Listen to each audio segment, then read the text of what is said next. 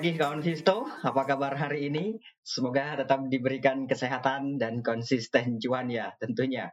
Baik, kita jumpa lagi di pagi ini Trading Ideas di hari Jumat tanggal 16 Desember. Akhir pekan atau jelang akhir pekan atau hari terakhir di perdagangan dalam pekan ini. Ya. Baik, seperti biasa, sebelum kita membahas tentang ide-ide trading, ada baiknya kita review dulu pergerakan IHSG di perdagangan uh, kemarin. Kemarin indeksnya ditutup melemah, berada di level 6752 itu kalau di bulletin. Kalau detailnya uh, exactnya 6751.86 ya. Nah, melihat dari atau uh, ini pelemahannya sebanyak 49 poin. Melemah sebanyak 49 poin kalau secara poin. Kalau secara persentase pelemahannya adalah sebanyak 0,73 persen. Ini banyak sih. banyak ya. Melihat dari pergerakannya, memang di awal perdagangan, sejak awal perdagangan, indeks sudah berada di teritori negatif. Bahkan sepanjang perdagangan, sama sekali indeks tampaknya tidak menyentuh ke teritori positif gitu ya. Atau bisa dibilang mengalami tekanan jualkah gitu ya. Di awal perdagangan iya indeks tampaknya mengalami tekanan. Akan tetapi sebenarnya kalau kita lihat ya uh, muncul dorongan beli yang tampaknya masih mencoba nih untuk menghambat laju pelemahan indeks. Sehingga Uh, di perdagangan sesi pertama benar bahwa indeksnya ditutup uh, melemah ya di sesi pertama. Nah, akan tetapi sebenarnya lebih didominasi oleh dorongan beli. Jadi dorongan beli uh, dibukanya memang memang sedikit lebih di atas sedikit sih. Cuman kalau uh, mana yang lebih menguasai pergerakan uh, indeks di perdagangan kemarin, maka bisa dibilang adalah buyers. Meskipun sekali lagi, meskipun berada di teritori uh, negatif. Tampakkan digambarkan bahwa uh, sempat memang mengalami tekanan jual, akan tetapi kemudian muncul dorongan beli yang perlahan uh, dia mencoba untuk menghambat laju pelemahan tadi, laju laju laju tekanan itu ya. Itu. Nah, jadi di, bisa bisa dibilang di sesi pertama ini indeksnya berada pada kecenderungan menguat sekali lagi meskipun berada di teritori negatif gitu ya. Nah, sedikit berbeda dengan sesi pertama. Di sesi kedua justru sebaliknya, malah tekanan jualnya yang lebih mendominasi. Ya kan, tampak sekali kan bahwa tekanan jual tampaknya lebih mendominasi meskipun tidak hilang sih dorongan belinya, tetapi itu belum mampu untuk membawa indeks kembali bergerak e, menguat atau menjadi lebih baiklah pelemahannya. Itu belum mampu. Yang pada akhirnya ditutupnya ya melemah uh, uh, 0,73 persen ini. Jadi di sesi kedua kemarin indeksnya praktis dikuasai oleh seller atau bisa dibilang uh, cenderungnya cenderung melemah, gitu ya. Secara keseluruhan Meskipun sekali lagi ya, meskipun indeksnya kemarin berada di teritori negatif, praktis oh, oh, sepanjang perdagangan itu dia berada di teritori negatif. Akan tetapi kalau bicara kecenderungan, maka bisa dibilang kecenderungannya indeks kemarin cenderung menguat terbatas, gitu. Oke, meskipun ya sekali lagi ya, saya tekankan bahwa meskipun indeksnya berada di teritori negatif, tapi kalau bicara kecenderungan ya bisa dilihat kan cenderungnya cenderung bergerak menguat gitu. Nah, tapi bagaimanapun ya indeks tetap aja ditutup melemah dan ada banyak saham yang membawa indeks berarti ditutup uh, bergerak melemah gitu kan. Apa saja sih lima besar saham yang membawa indeks bergerak melemah? ya, lima besar saham yang membawa indeks bergerak melemah di perdaan kemarin yang pertama ada uh, sebentar saya Nah, ini dia. Lima besar saham yang membawa indeks bergerak melemah di perdagangan kemarin. Yang pertama ada BRI, kemudian ada Telkom, lalu ada Bank BCA, Bank BCA. BCA gitu ya, Bank Sentral Asia atau BBCA karena kodenya BBCA. Jadi otomatis Bank BCA gitu. Ya. BBCA, kemudian Kalbe Pharma dan terakhir adalah Cepin. Itu dia lima besar saham yang membawa indeks bergerak melemah di perdagangan kemarin. Nah, kemudian sebaliknya nih. lima besar saham yang mencoba untuk menghambat laju penguatan eh laju pelemahan indeks itu apa saja sih gitu ya lima besar saham yang mencoba untuk menghambat laju pelemahan indeks yang pertama adalah Goto Goto menurut yang pertama yang mencoba untuk menghambat laju pelemahan indeks Goto ini dia menguat 3 persen, uh, 3,19 persen ya. Kalau secara poin, ini penguatannya adalah sebanyak tiga poin, hanya tiga poin loh. Tapi memberikan kontribusi ke indeks itu 5,9 poin. Ya, gila ya. Gede banget. Gede sih ini. Jadi itu uh, yang pertama Goto, kemudian disusul oleh DCII, lalu ada Semen Indonesia atau SMGR, kemudian ada Cimori atau CMRY, dan terakhir adalah Adaro Energi. Itu dia lima besar saham yang mencoba untuk menghambat laju pelemahan indeks. Nah, bagaimana dengan transaksi asing? ya, di perdagangan kemarin asing sendiri mencatatkan net buy secara keseluruhan ya, saya ulangi. Secara keseluruhan net buy-nya 671 bio. Ini lumayan sih sebenarnya, benar nggak sih? Lumayan ya, 671 itu banyak uh, bio. Kemudian tapi kalau kita lebih rinci lagi, di perdagangan regulernya itu asing mencatatkan net sale sebanyak satu triliun. Aduh, banyak banget. banyak banget. Kembali mencatatkan setelah kemarin sempat uh, ya meredak lah tekanan jualnya ya. 600 bio kan kalau nggak salah kemarin kan. Kali ini kembali di atas satu triliun. Ini banyak banget. Itu yang di regular market. Tapi memang di non regular market atau di pasar negonya kemarin asing mencatatkan net buy sebanyak 1,74 triliun. Ini banyak banget. Net, uh, net buy apa sih kemarin asing di pasar nego? Kalau tidak salah net buy Garuda Food atau kodenya Good G O O D itu. Net buy itu kawan. Itu ya 1,8 triliun sih untuk Garuda Foodnya aja kalau nggak salah ya. Good coba di di nanti coba diperiksa lagi lah. Tapi secara keseluruhan di pasar nego net buy-nya 1,74 triliun itu tadi pas uh, Garuda Food. Itu dia untuk net buy atau net sell asing. Nah, karena kita uh, bicara di pasar reguler, maka di pasar reguler, net sell asing yang terjadi di pasar reguler sebanyak satu triliun itu saham-saham apa saja sih yang banyak dijual oleh asing di perdagangan kemarin? Lima besar saham yang paling banyak dijual oleh asing di perdagangan kemarin. yang pertama ada BCA. Kali ini saya nggak mau ngomong Bank BCA.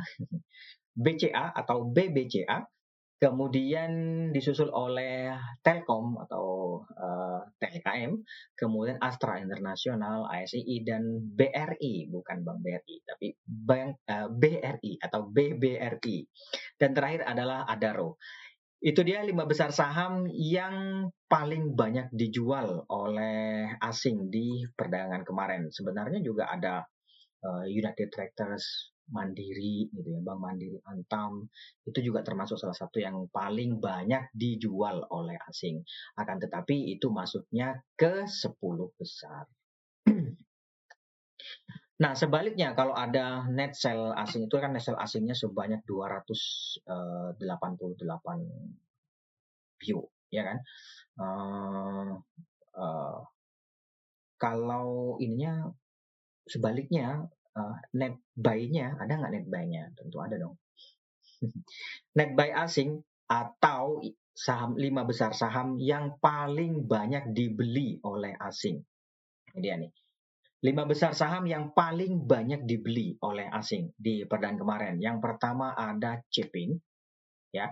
Cepin menduduki ranking pertama yang paling banyak dibeli oleh asing. Kemudian ada Bukalapak, Lalu uh, ada BBYB, buka termasuk salah satu yang banyak dibeli ya oleh asing di perdan kemarin.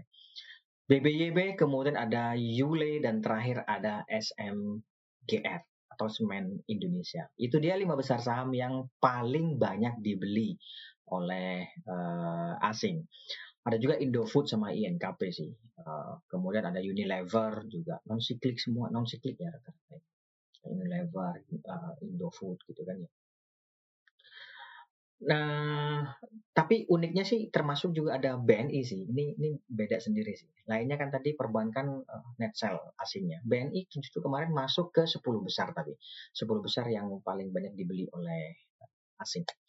Baik, saya pikir itu untuk uh, net buy asing atau untuk transaksi asing. Sekarang kita ke ide trading. Barangkali ada kawan Visto yang punya ide trading yang cukup menarik, boleh disampaikan nanti kita lihat bareng-bareng gitu ya, biar bisa juga cuan bareng-bareng. Oke, uh, sebentar. Oh kok ide trading ini dulu ya? Outlook hari ini ya? Oh iya betul, Outlook hari ini belum. Ya, bagaimana Outlook hari ini? Ini dia outlook hari ini. Nah, kalau melihat pergerakan indeks di perdaan kemarin, uh, kelihatan kan? Uh, sebentar, belum berubah. Nah, ini dia. Ya, kalau melihat pergerakan indeks di perdaan kemarin, sebenarnya ada potensi sih untuk kembali bergerak melemah. Ini kan mengalami tekanan jual ya kemarin ya. Meskipun tadi saya bilang dorongan belinya sebenarnya sih dia lebih mendominasi di perdaan kemarin ya kan? Tetapi ya pada dasar uh, pada prinsipnya uh, meskipun lebih mendominasi tetap dia aja dia bergerak melemah dan itu menandakan uh, uh, masih adanya tekanan jual ya. Meskipun ada sekali lagi meskipun ada yang mencoba untuk menghambat.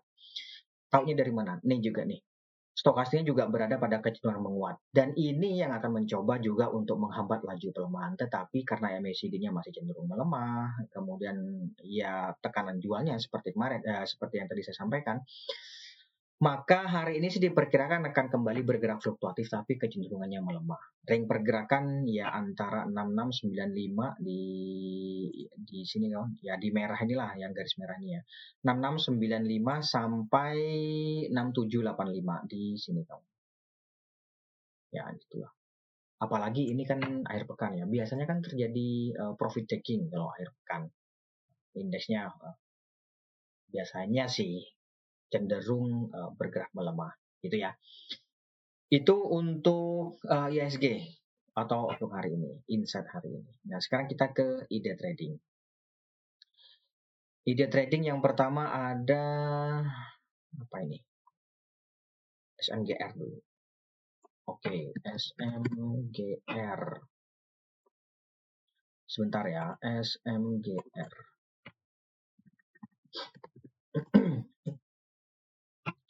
Nah, ini dia SMGR. SMGR. Ya, di perdaan kemarin SMGR-nya mampu ditutup menguat berada di 7225. Cukup menarik sih ini. Di tengah uh, melemahnya indeks dia mampu bergerak menguat. Dan seperti biasa, selalu saya sampaikan, ini berkali-kali saya sampaikan, mungkin yang sudah selalu uh, yang sudah mengikuti terus-menerus trading ideas seharusnya sudah paham. Nih, long white candle, kemudian dia mengalami pause, ya kan? Nanti ketika dia bergerak menguat di atas uh, uh, kalau ini kan di harusnya sih di atas 7000 maka boleh sih dipertimbangkan untuk uh, spekulatif buy dan nanti cari resistance levelnya di berapa. Nah kebetulan kan di sini nih harusnya sih kemarin yang sudah ikutan misalnya ikutan di 7000 atau 7025 gitu ya.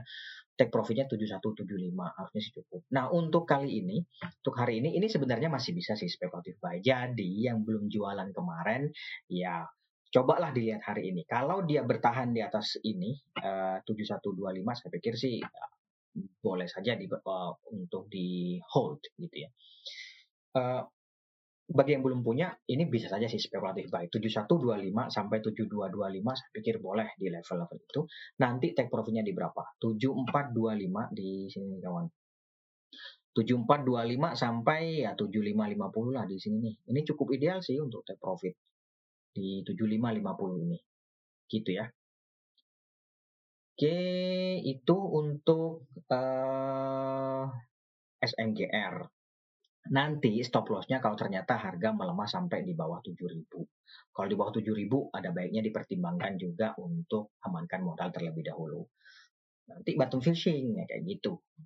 Gitu ya. Itu untuk uh, eh, SMGR. Kemudian kita lanjut. Ada lagi sebentar saya lihat dulu. Medco. Siap komandan. Medco. Sebentar. Medco. Saya ganti dulu. Ya, ini saya gedein Medco. Nah. ya, ini dia, Medco kemarin ditutup melemah. Ini sekaligus uh, bisa dibilang mengonfirmasi kegagalan harga untuk melewati 1170, resisten level 1170. Jadi saya pikir ini kalau punya ada baiknya dipertimbangkan untuk uh, take profit dulu. Tahu ya, jualan dulu lah gitu ya. Gampangnya gitu. Uh, tahu bahasa ininya take profit. Oke.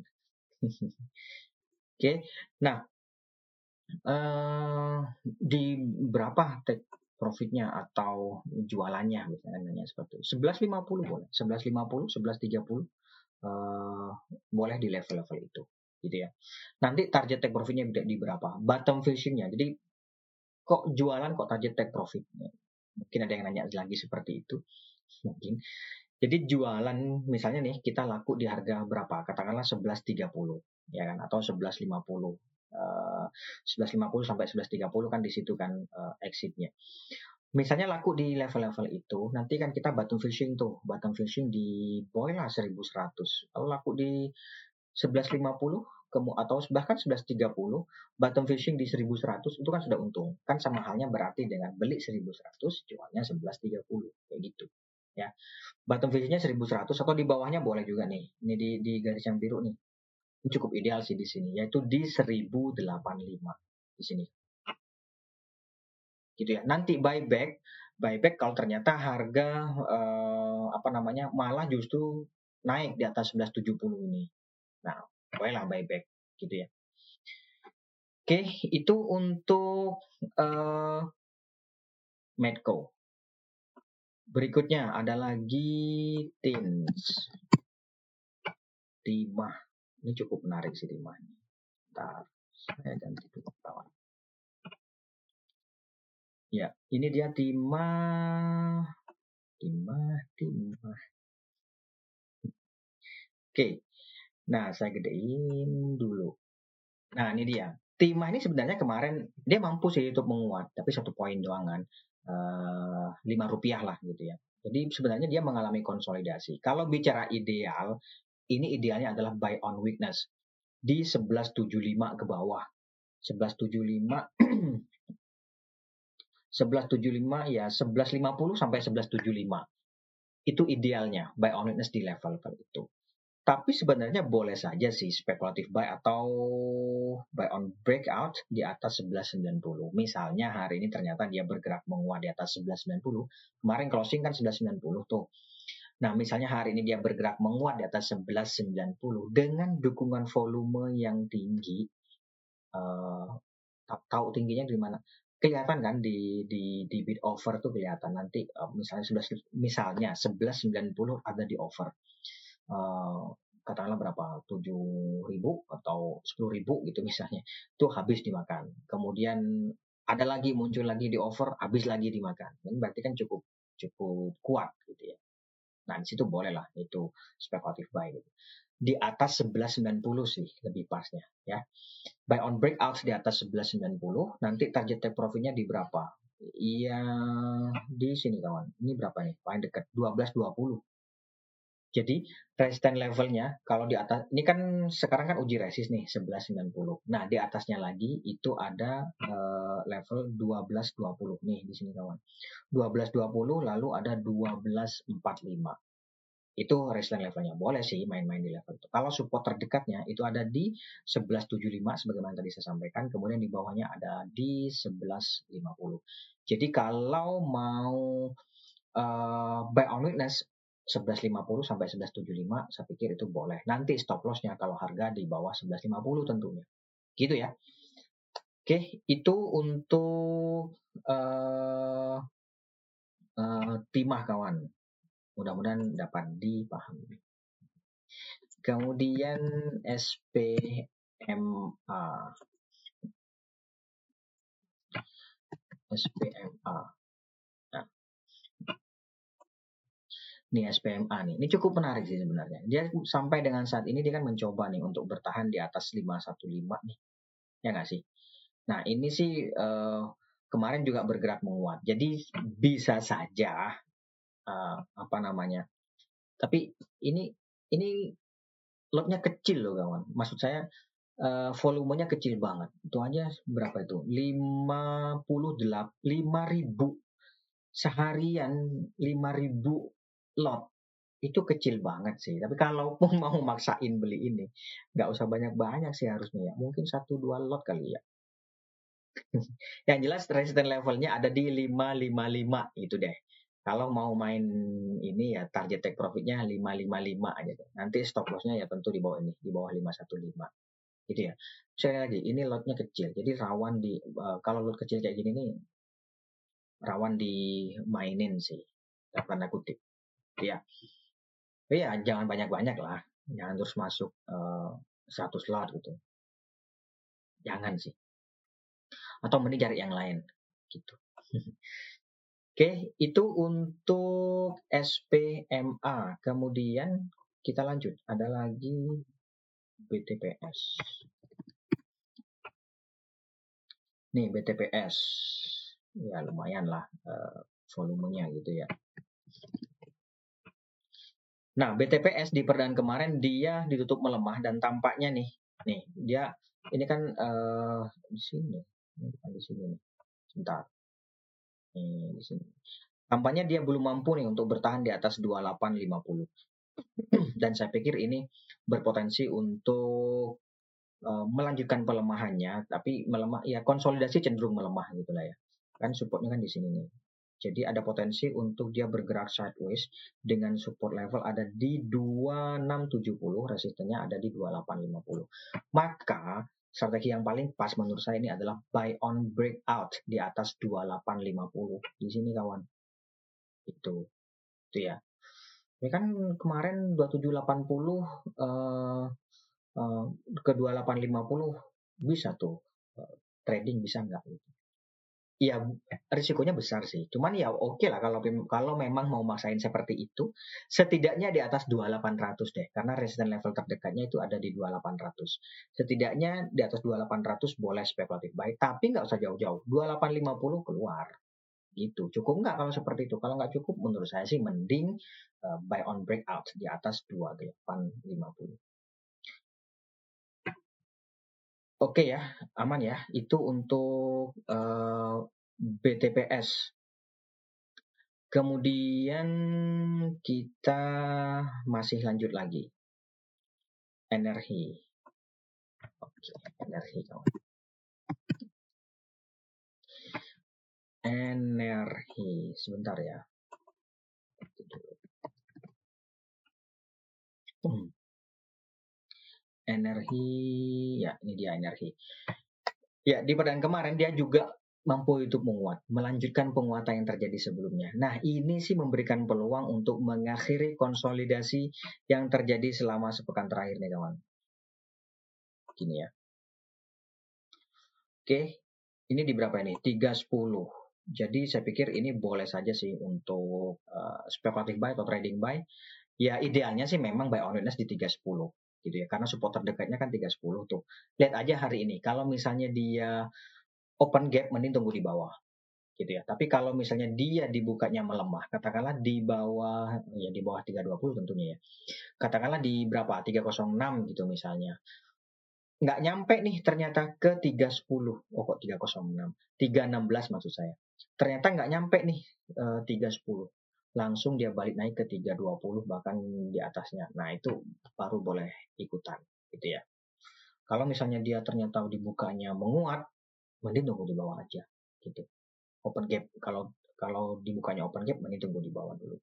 Tapi cukup menarik sih ini untuk uh, masuk ke watchlist. Gitu ya. Nanti target take profitnya di berapa? Nggak usah jauh-jauh. di sini aja kawan. 330. Oke nggak? Uh, uh, cukup nggak kalau di situ? Kalau enggak ya dinaikin bolehlah di berapa ini? 344. Jadi 330, 344 lalu 354. Di level-level itu bisa sih dipertimbangkan untuk take profit atau main-main di level-level itu. Ya. Support terdekatnya ya tadi 310, kemudian di bawahnya ada 300. Itu untuk energi kawan. Kemudian ada hmm, BRMS. BRMS. Ya, ini dia BRMS. Uh, ah, sebentar, saya ganti dulu. BRMS. Ya, BRMS di peran kemarin juga tampaknya mengalami konsolidasi atau ya melanjutkan konsolidasi sih. Ya kan? Dia mencoba nih untuk uh, bertahan 170. Kalau misalnya hari ini dia kembali gagal bergerak di atas 170, saya pikir uh, kan kemarin 169 nih, tapi bisa saja uh, ini belum belum di, belum dibilang bahwa ini uh, breakdown atau breakout gitu ya. Belum bisa dibilang seperti itu.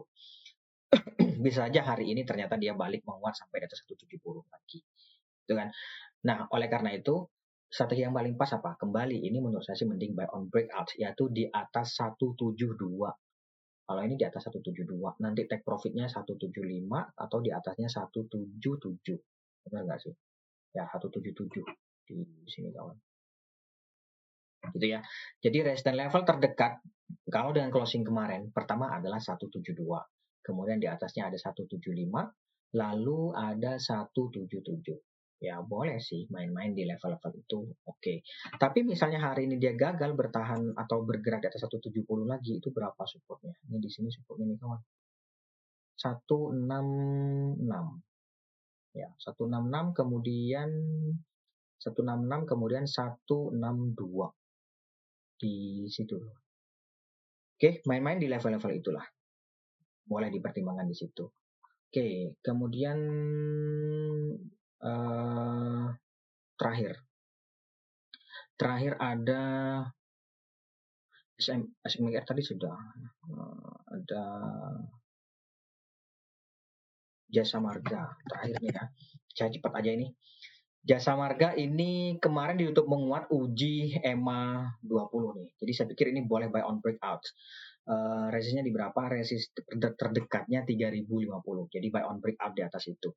Di atas itu nanti take profitnya 3190 sampai 3220 di sini ini cukup ideal kawan untuk uh, apa namanya ini jasa marga ini cukup ideal untuk take profit di sini 3220. Kalau melihat golden cross di MA2 eh, di MACD-nya ini saya pikir masih memberikan peluang sih untuk uh, berlanjut menguat. Baik, saya pikir itu dulu kawan Visto untuk hari ini. Terima kasih atas kehadiran dan partisipasinya. Tetap jaga kesehatan. Mohon maaf jika ada salah kata. Kita jumpa lagi awal pekan depan. Sekali lagi terima kasih. Selamat pagi. Salam investasiku for better tomorrow. For better tomorrow.